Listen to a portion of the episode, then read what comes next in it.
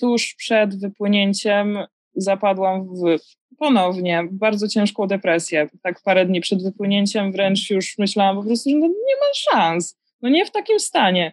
I naprawdę ten dzień wyjścia na ocean zdjął mi to wszystko z barków. Nagle po prostu zaczęłam na nowo żyć, na nowo funkcjonować. Byłam sama, byłam tylko ja i ta moja łódka, była ta wielka wolność, była, nikt mnie nie oceniał, nikt na mnie nie patrzył, a ja sama tylko o siebie dbałam i o to, gdzie jestem. Musiałam być za siebie odpowiedzialna w pełni. Marzenia się nie spełniają, marzenia się spełnia. W podcaście Napędzani Marzeniami rozmawiam z ludźmi, którzy udowadniają to swoim przykładem. Nazywam się Joanna Borucka i jestem założycielką firmy Katalog Marzeń, oferującej prezenty w formie przeżyć. Samotny rejs przez Atlantyk, własnoręcznie zbudowaną łódką. Żeby zrobić coś takiego, trzeba być napędzanym marzeniami. Zapraszam Cię na spotkanie z Edytą Krakowiak, która opowie nam o swoim marzeniu i jak się przygotowywała do jego realizacji.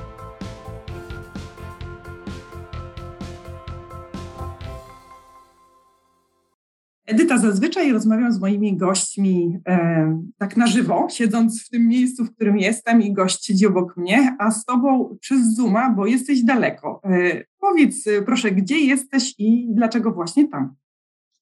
E, w tym momencie jestem na wyspie La Gomera, na Wyspach Kanaryjskich, gdzie dopłynęłam swoją małą łódeczką już dwa miesiące temu z Portugalii. E, z tych Kanarów właśnie jutro, dlatego całe szczęście udało nam się spotkać tuż przed wypłynięciem. Jutro ruszam na największe wyzwanie swojego życia do tej pory w około miesięczny samotny rejs na tej właśnie małej łódeczce na Karaiby. Także fajnie, że się udało spotkać w ostatniej, ostatniej chwili, chociaż online. Mhm. E, też się bardzo z tego e, cieszę i to, to jest właściwie takie nietypowe dla mnie e, spotkanie, bo jak sobie wracam myślą do rozmów z gośćmi, zazwyczaj rozmawiam z ludźmi, którzy są po jakiejś wyprawie, jakimś wydarzeniu, więc to jest też bardzo fajne rozmawiać przed i tak sobie myślę, no może tak na start zapowiem, że fajnie byłoby Cię złapać po i właśnie dograć drugą część rozmowy, i zweryfikować różne rzeczy, o których za momencik e, będziemy rozmawiać. Ale to zanim o tym Twoim marzeniu i e, rejsie, to chciałam się zapytać, jak w ogóle do tego doszło, że Ty takie marzenie masz i taki e, plan i że jutro wypływasz taki mhm. samotny rejs? To mogę się cofnąć do najmłodszych swoich lat tutaj, bo to mój dziadek właśnie zainspirował mnie i pokazał mi, jak w sumie można żyć i bardzo mnie wkręcił w cały wodniacki świat z nim właśnie jako malutka dziewczynka spędzałam całe wakacje, parę miesięcy, tam pięć lat miałam, sześć, osiem, dziesięć potem. E, I właśnie z dziadkiem pływałam po rzekach, żyłam po prostu na tej malutkiej łódeczce, przemieszczaliśmy się, zwiedzaliśmy, obcowaliśmy z naturą i tak nasiąkłam za młodu. Mhm. E, później z bratem razem zaczęliśmy działać dalej w tym kierunku, żeby się rozwijać właśnie wodniacko. Zaczęliśmy pływać na żaglach, zaczęliśmy jeździć na obozy, potem zdobywać kolejne uprawnienia, aż w końcu zaczęliśmy prowadzić własną firmę i własne rejsy. Ale mimo wszystko ja zawsze chciałam czegoś więcej, właśnie tego takiego dziadkowego stylu, żeby nie prowadzić tylko rejsów komercyjnych, bo to jednak praca, tylko właśnie zrobić z tego swój sposób na życie I w momencie, w którym mając 20 lat, mój kolega powiedział mi o tym, że istnieje coś takiego jak możliwość zbudowania własnej łódki, to ja stwierdziłam i robię. Jakby ja, ja to zrobię i będę miała swoją łódeczkę, którą będę mogła pływać po świecie. E, I akurat łódka, którą posiadam, to też pewnie jeszcze zaraz rozwiniemy. Jest to łódka, na której odbywają się regaty przez Atlantyk. Więc siłą rzeczy ten Atlantyk stał się taką pierwszą moją podróżą zainspirowaną tymi regatami setką przez Atlantyk. Mhm. Czy to była taka linia prosta właśnie od dziadka przez e, takie doświadczenia żeglarskie, nabywanie kompetencji?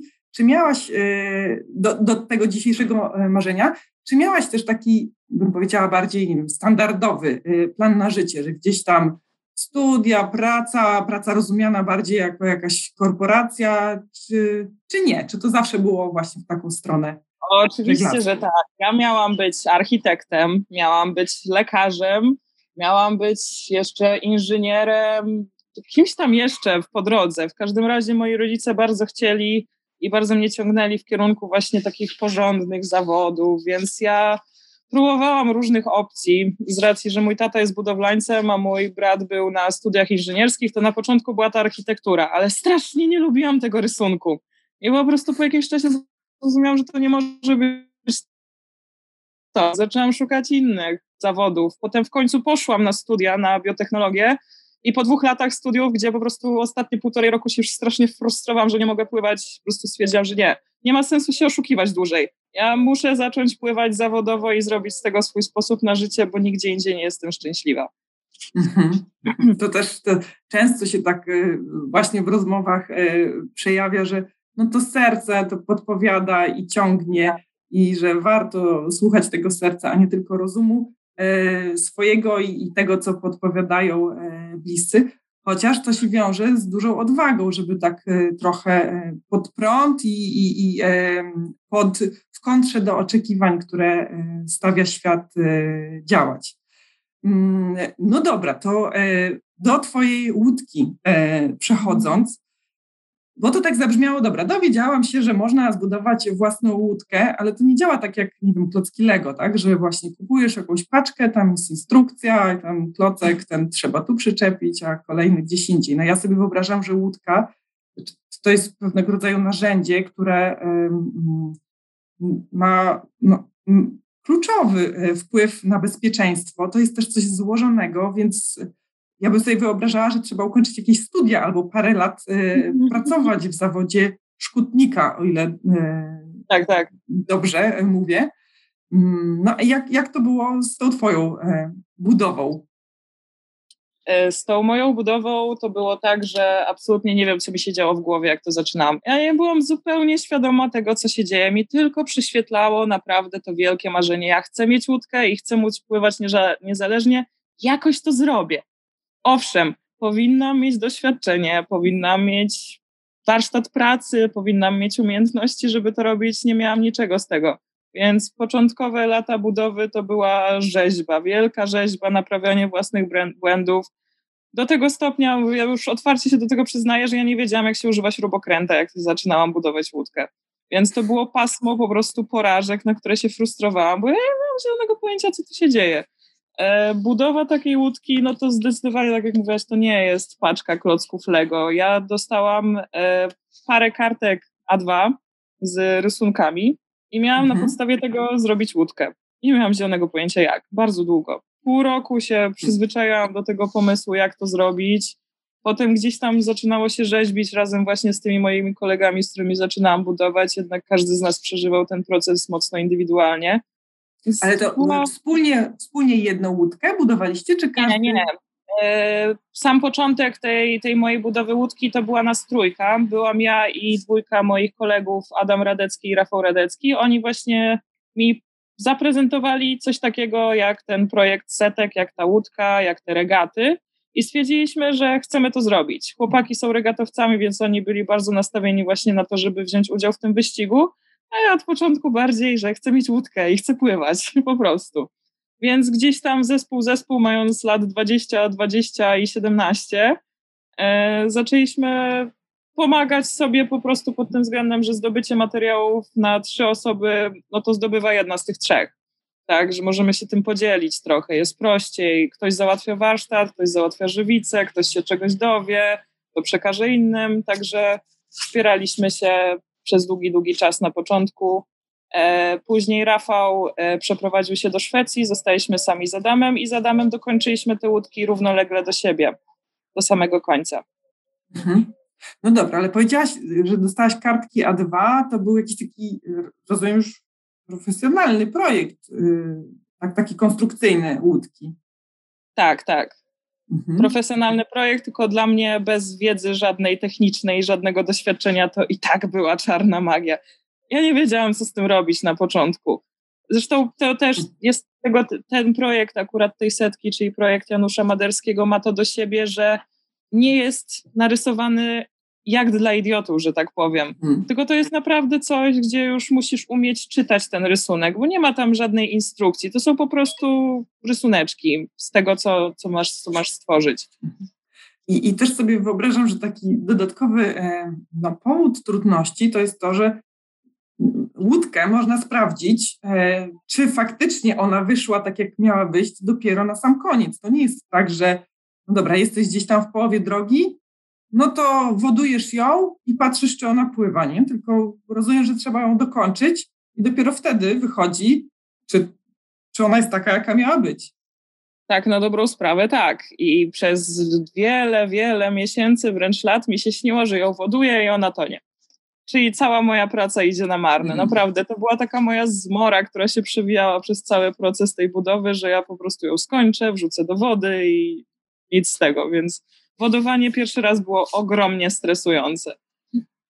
Zwłaszcza, że zaczęła, zaczęła przeciekać. To jest bardzo ciekawa historia, bo udało się, ogromny stres jakby się skończył, wrzuciłam ją do wody, wszystko jest spoko, nic nie tryska, żadnego wodospadu spod spodu nie ma. Więc zaczęliśmy tam właśnie z Adamem ją taklować i tak dalej. Ja wchodzę pod spód, a tam jest pół szklaneczki wody. I mhm. to był dla mnie koniec tego dnia. Następne trzy czy tam cztery godziny spędziliśmy z osobami, które ze mną były na inwestygowaniu, gdzie ten przeciek jest. Okazało się, że jedna głupia szpilka od barastu była niedokręcona, ale stresu było co niemiara. Czyli y, to było na szczęście jakaś tam niewielka wada, tak, niewielki błąd i, y, i szybko, y, szybko go naprawiłaś. No i rozumiem, że tą łódką właśnie już dopłynęłaś w to miejsce, w którym jesteś dziś. Tak, tak. Tą łódkę zwodowałam na początku na Bałtyku, żeby była blisko, żeby przeszła pierwsze testy, zanim wyjadę w zupełnie nieznane do obcych krajów, gdzie będę sama, gdzie nie będę znała tak dobrze warsztatów, które są, sklepów różnych i tak dalej, więc zwodowana została na Bałtyku. Pływałam nią po Bałtyku, a później przyjechaliśmy z moim chłopakiem e, z łódką na, po prostu na przyczepie do Lizbony mhm. i z Lizbony przepłynęłam tutaj na Kanary. To trwało dwa i pół miesiąca, dwa i pół miesiąca chyba podróży do tej pory. Mhm. A samo e, płynięcie? E, samo płynięcie to były na początku krótkie fragmenty, jakby zaznajamiania się też z oceanem. Ja też chciałam jak najwięcej zwiedzić, jak najwięcej żyć tym miejscem, tą Portugalią na początku, potem Hiszpanią, poznać ludzi, pozwiedzać, więc to były na początku krótkie fragmenty, maksymalnie dobowe, które też nauczyły mnie oceanu po prostu, bo to był pierwszy raz tej łódki na oceanie. A później z granicy Portugalii i Hiszpanii przepłynęłam na Kanary w 5,5 dnia, non-stop mhm. już. To był taki duży test też, czy dam radę. To jest łódka, do którą wchodzi jedna osoba, czy można więcej? Można, aczkolwiek mhm. komfortu to, to za dużo nie ma, jak wchodzi więcej osób. E, tam ja nawet nie mam wysokości siedzenia w środku, więc to jest naprawdę mikroskopijna przestrzeń. Łódka ma 5 metrów, e, szerokość 2,2 to można sobie wyobrazić, jaki to jest bardzo mały gabaryt. Aczkolwiek już w tym momencie trzy tego typu łódki przepłynęły z załogami dwuosobowymi. Więc się da, bo to jeszcze mhm. wspomnę, że na dzień dzisiejszy przepłynęło 17 takich łódek oceanu od roku 2012 z 19 osobami na pokładzie. Janusz Maderski ostatnio policzył, więc mogę się pochwalić, ile nas już było. No, niedużo. Od 2012, 12, tak? Tak, e, tak. No to, to garstka, garstka ludzi. E, a słuchaj, i, jaki to jest rząd wielkości kosztu zbudowanie takiej łódki? Nie mam zielonego pojęcia. Taka jest prawda. Nie mhm. liczyłam, bo się bałam, bo zaczynaliśmy to budować, jak mieliśmy po lat 20, czyli to ja skończyłam liceum mając 20 lat, bo byłam we francuskim, ono było rok dłuższe. Więc to były pierwsze zarobione pieniądze, które od razu się ładowało w łódkę. I jakby przez wszystkie te lata do tej pory mojego dorosłego życia wszystko oszczędzałam na łódkę. Zarabiałam jak najwięcej i tak żyłam na najniższym możliwym poziomie, byleby wszystko mhm. włożyć w tą łódkę, więc nawet nie chcę wiedzieć. Nawet nie chcę wiedzieć, naprawdę. Ale się da, to najważniejsze, także e, tak. że jest to wykonalne. E, jak e, twoja łódka ma, nie wiem, czy tak można powiedzieć, na imię? Mhm. Moja łódka to heroina i budzi to bardzo wiele kontrowersji i bardzo wiele osób zwraca na to uwagę, jest zaciekawiona tym w ogóle i śmieszy też i bawi, ale to, co ja przede wszystkim powtarzam w kółko i w kółko, że to jest heroina napisana w angielskiej pisowni, gdzie narkotyk heroina i heroina jako kobieta heros się różni, jeżeli chodzi o literkę E na końcu. Więc moja łódka jest przede wszystkim bohaterką, a nie mhm. narkotykiem, chociaż też. Jakby super, że mam podwó ma podwójne znaczenie to imię. Przede wszystkim bohaterka, ale też i moje wielkie uzależnienie. Mm-hmm, mm-hmm. No Fajna... i nie kończąc po zabierających mi pieniędzy po prostu. E, tak, fa fajna gra słów i jeszcze z tym różowym kolorem, e, tak. takim e, no bardzo charakterystycznym. E, on ma nazwę. Telemagenta. Dokładnie, dokładnie. Tak. Telemagenta. Tak. Tak, tak. Dziękuję tak. firmie Oliwa, że panienka sobie zażyczyła, że chce mieć telemagenta. Oni siedzieli w laboratorium i spróbowali, kręcili, stworzyli. Więc dziękuję, bo to za na zamówienie kolor tworzony. Super. Dobra, to jak, się, jak, jak ty się przygotowujesz, przygotowywałaś, e, bo, bo te przygotowywania rozumiem, że są e, już e, zakończone do, do twojego rejsu. I czy to będzie tak, że ty będziesz na wodzie Mm, te 30 dni, czy w ogóle bez stawiania stopy na lądzie? Bez, bez. No niestety nie ma tam wysp, nie ma tam lądu, to jest tylko woda i woda i wszędzie dookoła będzie tylko woda. Eee, liczę, że to będzie około 25-28 dni względem tego, jaka pogoda mi się szykuje i jak to mniej więcej poprzednie łódki pokonywały w tego typu warunkach, więc no do miesiąca, do miesiąca. A jeżeli chodzi o przygotowania, no to to był wieloetapowy, złożony proces, bo na początku przede wszystkim łódka i technikalia, a potem podczas całej tej podróży mojej od Portugalii przygotowanie nie tylko zaznajomienia siebie z łódką, ale też i główki. To po prostu była potrzeba czasu. I tak na dobrą sprawę ja dopiero do, po dopłynięciu na Kanary podjęłam decyzję, że tak, płynę. Bo gdyby się okazało, że coś się dzieje nie tak na tej wodzie, że sobie nie radzę, że łapią mnie jakieś straszne myśli, demony, to bym po prostu zrezygnowała na Kanarach. Ale przelot na właśnie tutaj ten pięcio i półdniowy mi pokazał, że dam radę, ponieważ był przewspaniały. Był naprawdę niesamowity. A dlaczego był taki niesamowity? Nie wiem, czy ty po drodze widziałaś jakieś wieloryby, czy nie wiem, piękne wschody słońca, czy co daje właśnie ci to poczucie tej niesamowitości? E, ja poczułam się naprawdę spełniona i wolna przede wszystkim. E, tuż przed wypłynięciem zapadłam w, ponownie bardzo ciężką depresję. Tak parę dni przed wypłynięciem wręcz już myślałam po prostu, że no nie ma szans. No nie w takim stanie. I naprawdę ten dzień wyjścia na ocean zdjął mi to wszystko z barków. Nagle po prostu zaczęłam na nowo żyć, na nowo funkcjonować byłam sama, byłam tylko ja i ta moja łódka, była ta wielka wolność, była, nikt mnie nie oceniał, nikt na mnie nie patrzył, a ja sama tylko o siebie dbałam i o to, gdzie jestem. Musiałam być za siebie odpowiedzialna w pełni. Nikt by za mnie tego nie zrobił w tym momencie, ani sytuacja, ani miejsce. Ja decyduję o wszystkim, co tam się dzieje, więc to też spowodowało właśnie, że poczułam ogromne zaufanie względem samej siebie i się zaczęłam o siebie troszczyć, co po prostu spowodowało, że miałam świetny czas. Mhm. Wiesz to, to w tym momencie bym chciała zapytać Cię o Twoją chorobę, bo piszesz na blogu, że, mhm. że chorujesz, że chorujesz na chorobę afektywną dwubiegunową, że chorowałaś też na anoreksję. I, I dla mnie to było no, niezwykle odważne. E, takie miałam poczucie, jak przeczytałam te słowa, że, że Ty tak otwarcie o tym e, mówisz. I, mm, no, I w szczególności chciałam się Ciebie zapytać, jak to spełnianie marzeń, jaką rolę odgrywa przy tej e, chorobie. A może też, e, bo myślę, że nie wszyscy mogą e, znać to pojęcie, czym jest choroba afektywna dwubiegunowa. Jakbyś mogła od tego zacząć? Choroba afektywna dwubiegunowa, z którą się niestety zmagam, to jest w skrócie koszmar.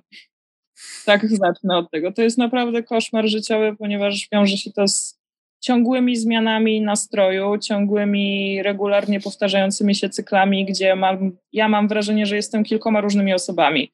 E, na przemian pojawia się depresja, mania, depresja, mania. Mania to jest taki stan przeciwny do, do depresji, która jest pojęciem dobrze znanym, gdzie e, po prostu chodzi się jak na sterydach. Mhm. Jakby jest się naładowanym energią, nic się nie jest w stanie skupić, nie śpi się praktycznie, podejmuje się bardzo ryzykowne decyzje, jest się super podekscytowanym, aż wręcz po prostu to przeszkadza ludziom dookoła się. Jest takim się chodzącą kulą po prostu, która wszędzie rozsiewa ogromną energię. To też jest bardzo wyczerpujące i bardzo niezdrowe. I właśnie z tą chorobą się zmagam od długiego, długiego czasu. Jak sięgam wstecz po prostu do przeszłości, to mam wrażenie, że ona była ze mną od zawsze, nie tylko od momentu diagnozy. I jeżeli chodzi o, o ten mój projekt, to pamiętam, jak mój brat powiedział moim rodzicom, że budowa tej łódki jest najlepszą terapią dla Edyty.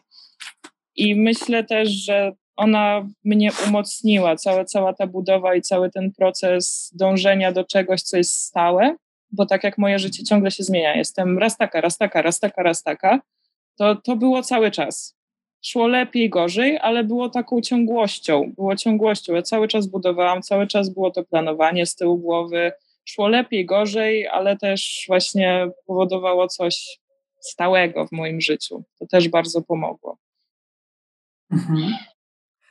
A w pierwszej chwili, mm, w pierwszej chwili, jak e, przeczytałam te słowa i pomyślałam sobie, że że ty y, no, teraz będziesz właśnie te dwadzieścia parę dni bez żadnego człowieka no, na oceanie, w małej łupince, e, to pomyślałam sobie, że no jakoś mi to, że no, nie, gra, nie gra w tym sensie, że, że to niebezpieczne jest, y, bo no właśnie mówiłaś o tym przygotowaniu mentalnym, że a co w momencie, kiedy właśnie ten taki stan depresyjny by nadszedł na w tym czasie.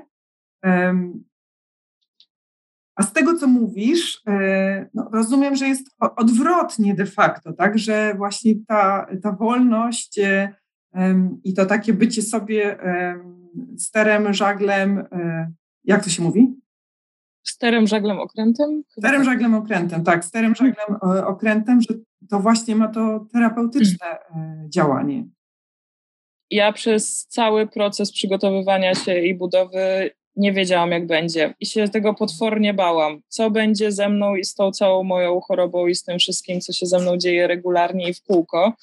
I jak przyjechałam, jak się przygotowywałam ostatnie etapy, czyli wrzesień, gdzieś tam październik, bo wyjechałam pod koniec października z Polski, to niestety ale się stało. Czyli przekliknęła mi faza i wpadłam w depresję znowu w moim życiu. Czyli jakby wszystko szło w dobrym kierunku, już w miarę byłam stabilna, było wszystko dobrze, dobrze funkcjonowałam i nagle po prostu za pstryknięciem palca z powrotem w dół.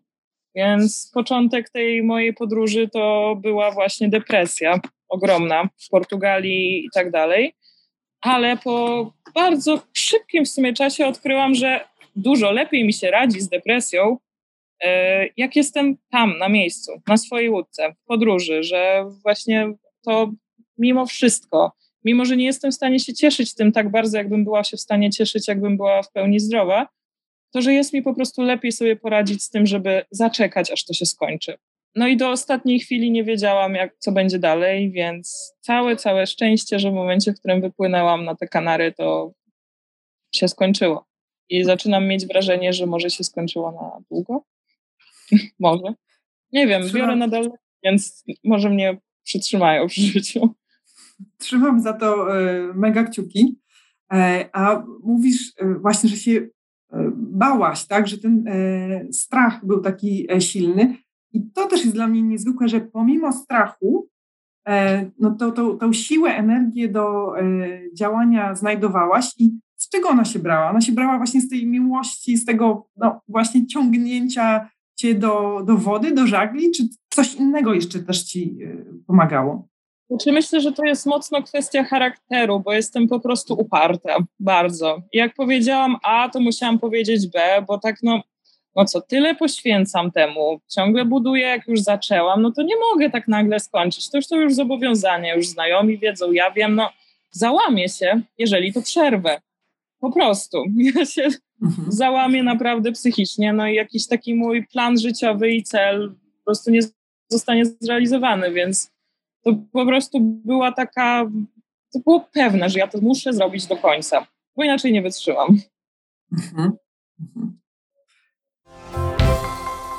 E, będąc, będąc tak wciąż trochę przy głowie, ale wracając do rejsu, e, ja mam tak, że jak czegoś się podejmuje, czy planuje coś większego, to myślę zawsze o ryzyku i mam taką potrzebę zabezpieczenia się przed, przed tym ryzykiem, więc robię sobie listę rzeczy, które mogą pójść nie tak i zastanawiam się, czy ja mogę coś tak prewencyjnie zadziałać, żeby to ryzyko zmniejszyć, tudzież co y, jeśli jednak wydarzą się te rzeczy, to czy ja mam jakiś plan B, C? Ja to mówię bardziej w sytuacjach biznesowych mhm. niż takich przygodowych. No ale właśnie, pytanie, czy przed takim rejsem ty też robisz sobie taką e, listę, bo to spektrum, nie wiem, to może być sztorm, to może być kurczę, że jedzenie się zepsuje, wypadnie, nie wiem, jakiś sprzęt na łódce się zepsuje, cała masa e, rzeczy może się wydarzyć. I czy ty się do tego przygotowujesz, czy nie? Jak najbardziej tak. Ja muszę się zabezpieczyć przed jakby ryzykami niebezpieczeństwa typu zapewnić sobie kilka źródeł nawigacji, żeby mimo wszystko trafić do celu, a nie lecieć po prostu po, ciem, po ciemku z zamkniętymi oczami. E, jeżeli chodzi o części zapasowe na łódce, to mam ich od groma, a jeżeli chodzi o listę, to nigdy jej nie zrobiłam, ponieważ jakoś po prostu to szło z biegiem czasu, że jak za, zauważałam, że okej, okay, dobra, tutaj może coś pójść nie tak, to sobie zabezpieczałam akurat to konkretne miejsce, jeżeli chodzi o części zapasowe i tak dalej, i tak dalej. I właśnie dlatego się cieszę, że tą łódkę tak szybko, tak szybko i tak dawno temu zwodowałam, ponieważ mogłam to wszystko odkryć w, w trakcie. Bo ciężko jest sobie to wszystko wyobrazić, jak się jeszcze faktycznie nigdy nie miało z tym do czynienia. Nigdy nie miałam mhm. swojej łódki, nigdy nie płynęłam przez ocean. Więc musiałam to wszystko zauważyć na własne oczy, bo to planowanie przed to było jakby hipotetyzowanie też trochę o tym, co może być mi potrzebne. To samo było przy budowie łódki, że to może się przydać, to nie, może tak to zbudować, może tak nie. A teraz patrzę na elementy, na które poświęciłam wiele dni czasem i zauważam, że są totalnie zbędne, są mi do niczego. Więc to wszystko, to zabezpieczanie się i to zadbanie o wszystkie możliwe awarie, to po prostu wynikało z tego czasu, który miałam, z odkrywania tego, co może pójść nie tak. I wydaje mi się, że w tym momencie całkiem nieźle tutaj jestem już przygotowana. Mhm. Też oczywiście rozmawiałam z ludźmi, którzy to zrobili już. I wszystkich wypytywałam szczegółowo, ok, dobra, co muszę mieć, co ci poszło nie tak, z czym miałeś problemy, z czym się, co, co trzeba wziąć na zapas, więc tą wiedzę gromadziłam, gromadziłam i gromadziłam. Mhm. A jak jest z komunikacją? E, mam na pokładzie malutki telefon satelitarny, który dostałam od Garmina, e, za pomocą którego mogę wysyłać SMS-y na ląd i odbierać SMS-y z lądu. I to też jest moje źródło wzywania pomocy, ponieważ tam mogę nadać właśnie sygnał SOS, gdzie zostanie za pomocą satelity uruchomiona akcja na lądzie służąca temu, żeby mi pomóc. Też oni będą się mogli za pomocą tego telefonu spytać, co mi się dzieje. Mhm. E, mam tam wyznaczone osoby na lądzie, które się by skoordynowały tą akcję jako osoby, które wiedzą, co ja robię, gdzie ja jestem, co mam na pokładzie. Także taki malutki telefonik mam i mogę wysyłać SMS-ki. Mhm. Aczkolwiek będę to robić rzadko. A czy w trasie jakoś planujesz, nie wiem, dokumentować, e, ale pod takim kątem, że później zrobić relacje z e, tej wyprawy. Nie wiem, czy w mediach społecznościowych, na blogu, w formie książki, jakiejkolwiek. I jak najbardziej tak. E, chcę napisać książkę, bo uwielbiam pisać i od samego początku tutaj tego mojego podróżowania właśnie spisuję to wszystko, co się dzieje i chętnie bym zrobiła z tego, spięła to w całość i wydała taką książkę o tym wszystkim. Wydaje mi się, że to może być coś ciekawego, które, co zainspiruje też ludzi do spełniania swoich marzeń, że się da. Da się być młodym, da się być kobietą i da się chorować na choroby psychiczne i mimo wszystko spełniać marzenia, a nie stać w miejscu. Także chciałabym bardzo, żeby to właśnie taki wydźwięk miało w społeczności, że w społeczeństwie, że, że się da, żeby ludzie to też zauważyli. E, też podjęłam współpracę z TV Regio, gdzie już teraz zaczynają tam powstawać odcinki, bo ja nie mam jeszcze czasu na to, żeby to wszystko zmontować na bieżąco, chociaż mam w planach. Także na razie wysyłam materiały do nich i też będę nagrywać na, na oceanie względem tam jakichś e, protipów, które dostałam, co nagrać, jak nagrać. Mhm. Także będzie zarówno na YouTubie, na TV Regio, może z czasem ja sama zmontuję na, na też, też na YouTubie filmiki. Oczywiście będę pisać krótkie relacje na, na bloga, na swoją stronę dalej, no i książka, także planów jest mnóstwo. Mam nadzieję, że się uda. E, jak to się mówi, marzenia się nie spełniają, marzenia się spełnia, więc generalnie tak. w moich rękach e, i mega, mega mocno trzymam za to kciuki. A jeszcze takie, tak mnie intryguje, tak sobie myślałam, że um, chciałam Cię zapytać, czy masz coś takiego, bez czego nie wyobrażasz sobie tej podróży? I nie mam na myśli tu czegoś praktycznego, nie wiem, właśnie sprzętu nawigacyjnego, tylko czegoś, co w teorii jest totalnie zbędne i nie, nie, niepotrzebne do tego, mhm. żeby tą podróż e, zrealizować, ale bierzesz to ze sobą, bo z jakiegoś powodu to jest dla ciebie ważne.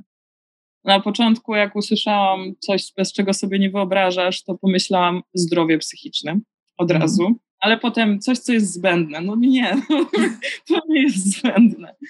Jeżeli chodzi o rzeczy, które totalnie są nieprzydatne, mogłabym mieć normalny śpiwór na łódce, ale mam kołderkę, z mhm. poszepką, więc to pierwsze, co mi przyszło do głowy, ale z rzeczy, które są totalnie zbędne, nie wiem, jakoś nie przychodzi mi nic od razu do głowy. Wszystko mhm. jest jakoś gdzieś praktyczne. Jednak. Nie, może to tak. Może totalnie zbędne to za daleko y, pojechane, ale na przykład, nie wiem, ulubiony kubek. Ja mam taki kubek y, w domu do mhm. kawy, to już nie potrafię kawy pić z innego kubka. Kupiłam go sobie specjalnie po to, żeby pić tą poranną kawę w nim i, i to, o, to jest ma, ważne musiałam mieć dobrą metodę zaparzania kawy na pokładzie. I na początku miałam kawiarkę, która jednak była ciężka do użytku i to też nie spełniało, to nie jest mój idealny smak. Ja wolę jednak alternatywne kawy i myślałam, żeby zdobyć aeroprys, ale było to trudne, bo nie zrobiłam tego w Polsce, bo wiele rzeczy nie zrobiłam w Polsce przed wypłynięciem, bo miałam depresję, więc jakby, no sorry, tak wyszło. E, chciałam zdobyć podczas podróży aeroprys, okazało się, że tu go nie ma, ale udało mi się zdobyć dripera, więc na pokładzie pięciometrowej łódki będę zaparzać alternatywną metodą kawkę sobie codziennie rano. To może być taka w sumie zbędna rzecz, bo można przecież zalać fusy. Dokładnie, tak. To, to, tak, tak, właśnie, tak to właśnie brzmi, nie? Już sobie trochę tak A, wizualizuję. Bardzo dużo kosmetyków, jakieś maseczki na twarz, jak takie babskie rzeczy, mam ich całą masę. A to też ciekawe, to też właśnie chciałaś Cię zapytać, czy, czy Ty się, nie wiem, malujesz, kremujesz? Jeżeli chodzi o mhm. malowanie, to malowanie i ja jesteśmy trochę skonfliktowani, bo nie lubimy siebie nawzajem. E, całe szczęście, bo w sumie trochę czasu oszczędzam każdej doby mhm. dzięki temu. E, ale jak najbardziej, jeżeli chodzi o resztę kosmetyków, to mam dwie pełne siaty. E, I też dostałam od Pharmaceris e, wielki karton kosmetyków, e, dzięki którym mogę sobie robić codziennie spa, smarować się i myć z tym różnymi specyfikami, więc jak najbardziej mam tego dużo, czego jeszcze nikt na pokładzie setki nie miał, bo płynęli sami faceci. No to na relacjach może fajnie wyglądać właśnie. Sama jedna na wielkiej wodzie w maseczce na twarzy. No jak najbardziej, no nie wyobrażam sobie nie robić tego, jakby nie robi się takich rzeczy jako kobieta, dbania o siebie dla innych. Robi się to mhm. dla siebie według mnie, więc ja będę ładna, będę umyta, będę uczesana, chociaż nie, z tym, to, z tym to u mnie jest problem, bo mam wielki burz kręconych włosów na głowie, więc się nie czeszę tak bardzo. Ale jak najbardziej wszystkie te czynności, które się na lądzie wykonuje, cały czas będą ze mną mimo że mhm. będę przez miesiąc sama. A czy masz plan, co dalej? Czy nie myślisz o tym? Myślisz, że okej, okay, teraz skupiasz się na realizacji tego marzenia, a potem to zobaczysz? E, muszę mieć plan dalej, bo jakby jestem taką osobą, która musi wiedzieć, że po tym, jak to się skończy, to będzie coś dalej, więc już na tym etapie, na którym jestem, powstają plany na kolejne lata i na tą chwilę dopływam łódką na Karaiby, zostaję na Karaibach jeszcze dwa miesiące do sezonu huraganowego, zwiedzam, podróżuję tak jak do tej pory. Następnie wracam do Polski, zostawiając łódkę na Karaibach, e, żeby trochę popracować, czyli poprowadzić rejsy w różnych miejscach, czartery, szkolenia itd., tak itd. Tak Następnie wracam na Karaiby i pływam kolejne pół roku, a później już teraz zaczynamy się rozglądać z chłopakiem za łódką może już docelową na życie, na, którą byś, na której byśmy po prostu zamieszkali i popłynęli dookoła świata. Wow. Już we dwoje, już w komforcie. Jakby mhm. dalej zwiedzać i podróżować. Więc jakiś gdzieś tam plan do przodu jest, już zaczynamy tę listę do naszych jakby wymarzonych jachtów tworzyć, rozglądać się. Także to jeszcze perspektywa paru lat do przodu, ale, ale już zaczynamy działać w tym kierunku. Mhm. Czy e, już tak zupełnie na koniec naszej rozmowy, czy masz jakąś myśl, przesłanie, coś dla słuchaczy, e, ludzi, którzy chcą się, słuchaczy, oglądaczy, e, ludzi, którzy szukają inspiracji do, do spełniania marzeń? Co byś im powiedziała? Że naprawdę warto się odważyć. Warto się odważyć zrobić coś, co jest teoretycznie, abstrakcyjnie trudne i niewykonalne, gdzie ludzie będą mówić, że nie dasz rady, bo mi tak mówili. Zakładali się za moimi plecami, kiedy się poddam. Przecież jestem babą i nie umiem użyć śrubokręta. Jak ja mam to zbudować? Że naprawdę warto jest dla samego siebie to robić, nie przejmując się tym, co mówią inni, tylko powolutku, skrupulatnie dążyć do celu, bo warto, naprawdę warto spełniać marzenia. Życie po prostu staje się bardziej kolorowe. Edyta, wielkie dzięki, mega wielkie kciuki za, e, trzymam e, za realizację Twojego marzenia. Podlinkujemy w, e, pod tą rozmową Twojego bloga, Twoje media społecznościowe, mm-hmm. żeby można było zobaczyć relacje z Twojej wyprawy. Na razie najbardziej żyje mój Facebook, bo strona jest totalnie rozklapciana. Instagram jeszcze też, ale Facebook już żyje i tam będzie moja przyjaciółka relacjonować, co się dzieje na wodzie, jak będę płynąć. Będzie screeny z SMS-ów pokazywać. A będzie je przepisywać nawet, żeby a. było lepiej. Okay. Ale tak, ja będę jej wysyłać SMS-ki, a ona będzie to ładnie ubierać razem z tam z raportem Meteo i z jakimiś paroma zdjęciami, więc mhm. będzie cały czas wiadomo, co się u mnie dzieje. Nasza rozmowa e, ukaże się, e, jak ty będziesz pewnie gdzieś tam w połowie e, mhm. swojego rejsu, więc to będzie taki ciekawy moment, e, żeby zajrzeć na, na twoje media tak, społecznościowe i zobaczyć, e, gdzie jesteś w tym momencie. Tak, tak. Cały czas będzie można mnie śledzić na mapce właśnie dzięki Garminowi. To też będzie gdzieś tam link pewnie podrzucony. Dzięki wielkie. E, jeszcze raz trzymam kciuki. E, do zobaczenia po tej wyprawie. Jestem bardzo właśnie ciekawa Twoich wrażeń i tego, czy, czy, czy. Nie zapytałam Cię o jedną rzecz. Czy Ty masz jakieś oczekiwania, czy w ogóle nie tworzysz oczekiwań? Bo chciałam Teraz tak sama sobie wyszłam w słowo, bo chciałam powiedzieć, że ciekawa jestem właśnie tego, jak, jaka będzie ta konfrontacja z oczekiwaniami, rzeczywistością z oczekiwaniami, ale może ty tych oczekiwań nie masz kompletnie. Znaczy, to, to, to jest bardzo ciekawe pytanie, bo ja trochę oczekuję jeszcze dalszego rozwoju względem samej, oso- samej siebie, że takie długie przebywanie samemu przyniesie mi bardzo dużo refleksji względem siebie, swojego życia, tego, czego chcę. E, umocni mnie w byciu mną razem ze sobą, jakby w dbaniu o siebie i w trosce. Jakby tego, tego trochę oczekuję. Wiem, że po prostu trochę wiem, że inaczej się nie da. No 28, co planuję dni na oceanie samotności, no przyniesie jakieś przemyślenia na pewno, które spowodują, że może będę lepszą osobą dla siebie i dla innych. Ja jestem ciekawa tych e, przemyśleń i mam nadzieję, że częścią z nich e, będziesz chciała się podzielić, więc do zobaczenia e, w przyszłości. Do zobaczenia i do usłyszenia. Dziękuję serdecznie.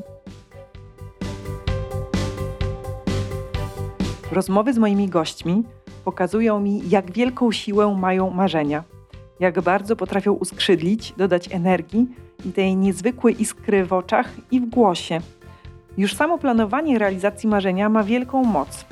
Co będzie po jego realizacji? Czego Edyta dowie się o sobie w trakcie rejsu? Jak to wpłynie na jej życie? Jestem tego bardzo ciekawa.